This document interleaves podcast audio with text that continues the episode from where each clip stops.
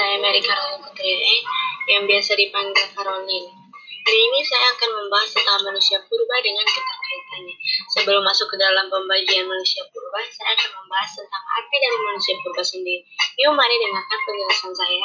Manusia purba atau manusia prasejarah adalah manusia yang hidup pada jutaan tahun yang lalu pada saat tulisan belum ditemukan.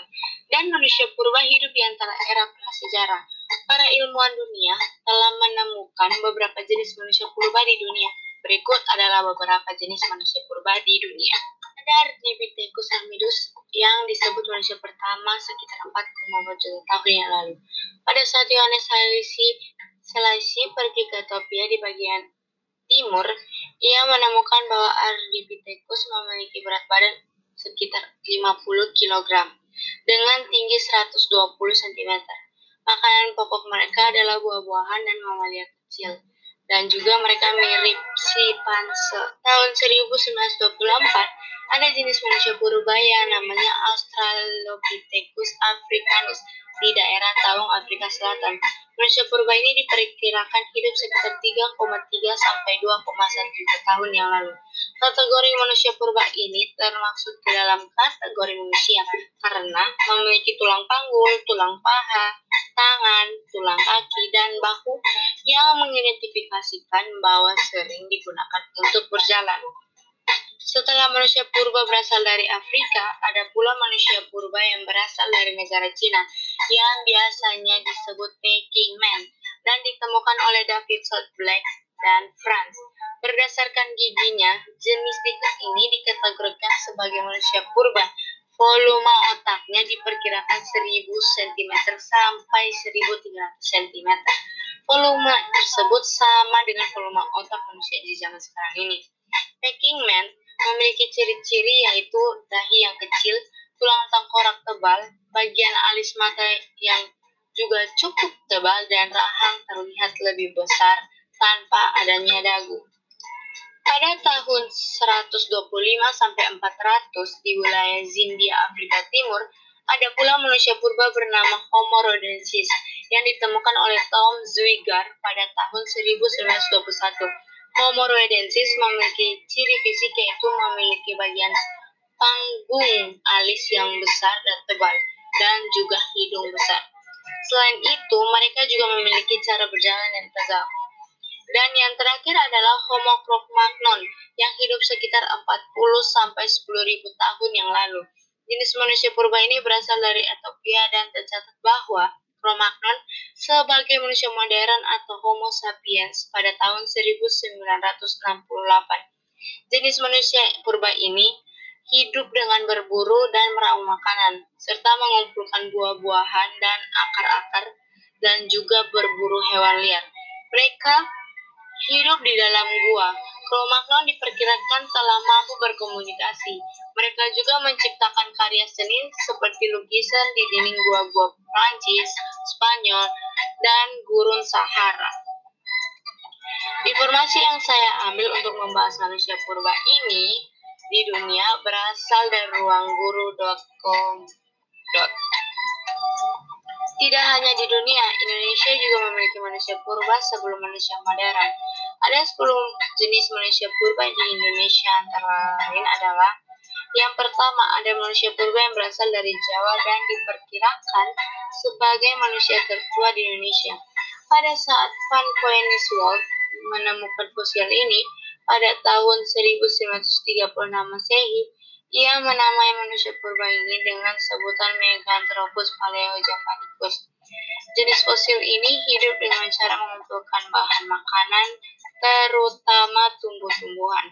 Selain mencari tahu cara bertahan hidup, Paleojavanicus Koeniwald menemukan bahwa jenis manusia purba ini tidak memiliki dagu, sehingga mirip kera.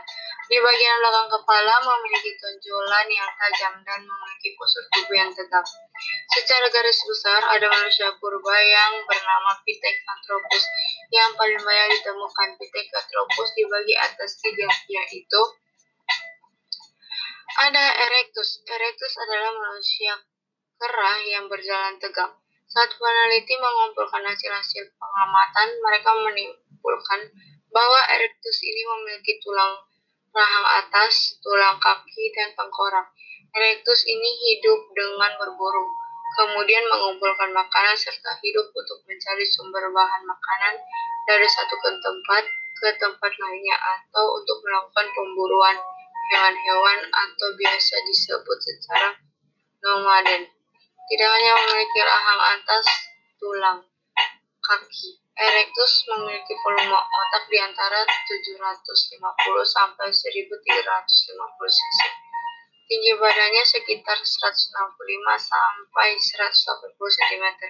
Postur tubuh yang tegap tetapi tidak setegap Meganthropus memiliki gigi geraham yang besar dengan rahang yang sangat kuat, memiliki hidung yang tebal dan memiliki alat pengunyah dan alat tengkuk yang sangat kuat.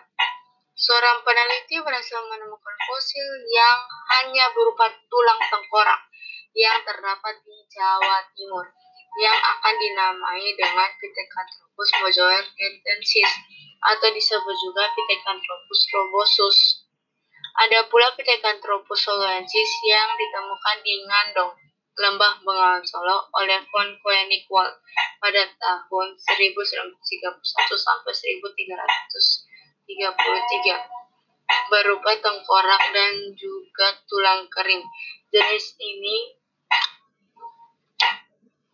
ada pula Pithecanthropus soloensis yang ditemukan di Ngandung Lembah Bengawan Solo oleh von Koewald pada tahun 1931 sampai 1933 berupa tengkorak dan juga tulang kering. Jenis manusia purba ini menghasilkan peralatan yang terbuat dari batu yaitu kapak genggam, kapak petaknang, pahat, genggaman, kapak perimbang, dan alat-alat serpi. Soloensis memiliki volume otak yang berkisar antara 750 sampai 1350 cc. Memiliki tinggi 168 sampai 180 cm. Wow, sama kayak manusia bukan?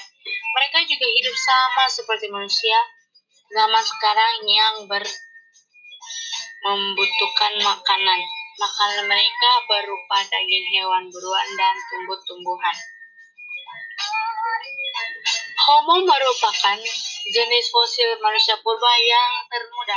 Jenis Homo sendiri terdiri atas tiga jenis, yaitu Homo soloensis yang ditemukan di daerah Ngadong, Lembah Bengawan, Solo, yang berhasil ditemukan hanya berupa tulang tengkorak, yang merupakan jenis manusia purba Homo sapiens di Asia, Eropa, dan Afrika. Contoh atau yang biasa disebut ciri-ciri Homo soloensis yaitu volume otak antara lain itu ada 1000 sampai 1300 cc, memiliki tinggi badan sekitar 130 sampai 210 cm. Wajahnya tidak menonjol ke depan, berjalan tegap dengan kedua kaki atau biasa disebut bipelda, sehingga cara berjalannya lebih sempurna dan memiliki otot tengkuk yang mengalami penyusutan.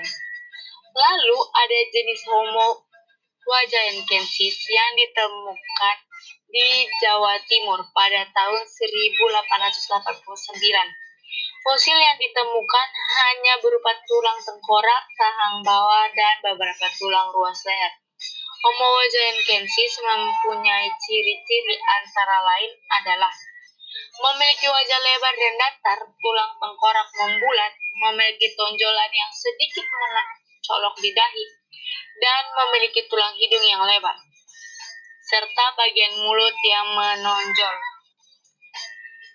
Dan jenis yang terakhir ada Homo florensis, seperti namanya.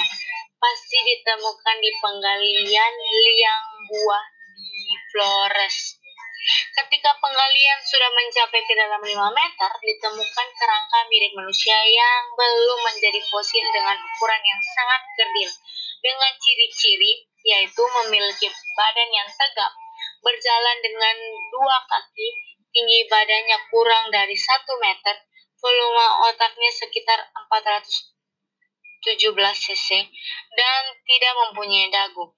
Homo sapiens memiliki postur tubuh yang sama dengan manusia zaman sekarang, tetapi masih hidup secara nomaden. yang artinya berpindah dari tempat yang satu ke tempat yang lain. Jenis Homo ini diperkirakan merupakan nenek moyang dari bangsa Indonesia. Saya menjelaskan manusia purba ini di Indonesia berdasarkan tepat persebarannya dan juga mencakup ciri khas serta hasil budaya yang dihasilkan oleh para manusia purba tersebut. Saya mengambil informasinya dari sejarah Saat saya menceritakan tentang manusia purba, baik di dunia maupun Indonesia, saya menggunakan metode sinkronik karena tidak hanya semua manusia purba yang diteliti memiliki waktu temuan dan yang berurutan, dan yang menemukan tersebut adalah orang yang berbeda. Ras adalah golongan bangsa menurut ciri-ciri fisik atau digunakan untuk mengkategorikan manusia dalam populasi dan berbeda melalui ciri fenotip. Di dunia terdapat empat ras, yaitu ada ras Mongoloid, yaitu ras dengan warna kulit kuning di bagian Asia Utara, Tenggara, dan Timur. Asia Tenggara, Kepulauan Indonesia, Malaysia, Filipina, orang Eskimo di Amerika Utara, hingga penduduk Terta del Fuego di Amerika Selatan merupakan orang-orang yang memiliki ras Mongoloid. Selain ras Mongoloid, ada juga yang namanya ras Negroid, yang dengan warna kulit berwarna hitam, yang termasuk negara yang terdapat di berwarna hitam, yaitu adalah ras Negroid yang terdapat di benua Afrika, Afrika Tengah, Semenanjung Melayu, Filipina, Papua, dan Malaysia. Sedang, sedangkan bangsa Eropa Utara sekitar Laut Baltik, Eropa Tengah, Eropa Timur sekitar Laut Tengah, Afrika Utara, Amerika, Arabia, Armenia, dan Iran memiliki warna kulit putih yang disebut sebagai ras Kaukasoid. Dan yang terakhir ini khusus karena tidak dapat diklarifikasikan.